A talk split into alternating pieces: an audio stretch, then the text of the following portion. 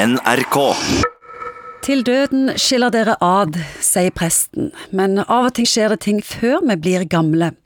Det hender at den ene blir alvorlig syk som ganske ung, eller blir utsatt for ei ulykke, og da er plutselig livet helt annerledes enn det en så for seg, og noe helt annet enn det en signer opp for. Psykolog Egon Hagen, hvordan er det å være kronisk pårørende, tror du? Ja, Det er sikkert uh, vanvittig tøft. Og det er mye forskning som viser at det å være låst i det vi kaller kroniske omsorgssituasjoner, er noe av det mest belastende faktisk som, uh, som det kan utsettes for. Og jeg kjenner til tilfeller hvor folk f.eks. har utvikla en egen PTSD, altså en posttraumatisk stresslidelse, i kjølvannet av å være låst i denne type Så den pårørende blir syke? Blir syk av dette. Så dette er ikke å spøke med i det hele tatt. Dette er ekstremt krevende på mange nivåer. Hvordan i store trekk endrer forholdet seg? Ja, Det kan jo være tusen ulike varianter det, men det, det, er litt som det du sier, at det, plutselig så sitter du på en måte i en situasjon som du ikke så komme.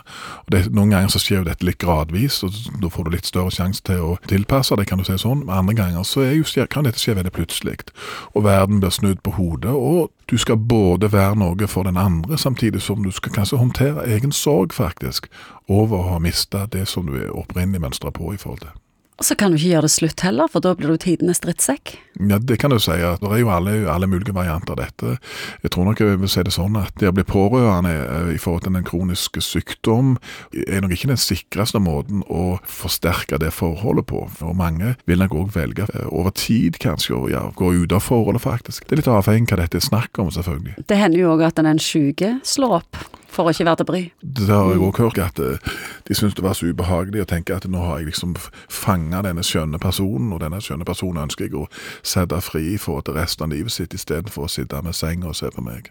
Hva er viktig å tenke på og gjøre når den ene i forholdet får en alvorlig kronisk sykdom? Det er viktig å snakke sammen, rett og slett, hva er det som skjer, og hvordan skal meg og deg komme gjennom dette på best mulig måte. Og klart at Til å begynne med så mye av fokuset vil jo da være på den som har fått en eller annen form for sykdom. Men jeg tror òg at det blir viktig å snakke om er det noen endring av spilleregler mellom meg og deg. Dette kan være et par på 32 år hvor den ene plutselig blir alvorlig syk og kanskje ikke i stand til liksom å, å, å leve sånn som du tenker at 32-åringer skal leve. En må kanskje finne pragmatiske måter å løse dette på. Ja, du sier en eh, god dose realisme og en god dialog. Ja, hvordan skal meg og deg reforhandle kontrakten? og Kan vi prøve å bli litt eksplisitte på hva, hva denne forandringen betyr for meg og deg, og hvordan meg og deg skal leve sammen? Hvis du da er pårørende i dette tilfellet og tenker at jeg legger bare mitt eget til sides og bruker all oppmerksomheten jeg Skal være verdensmester. Verdensmester i omsorg. Så har jeg ikke spesielt tro på det. Du har òg egne behov, og du har behov for å få spilt ut andre sider av deg sjøl enn bare den eh, omsorgsfulle delen av deg.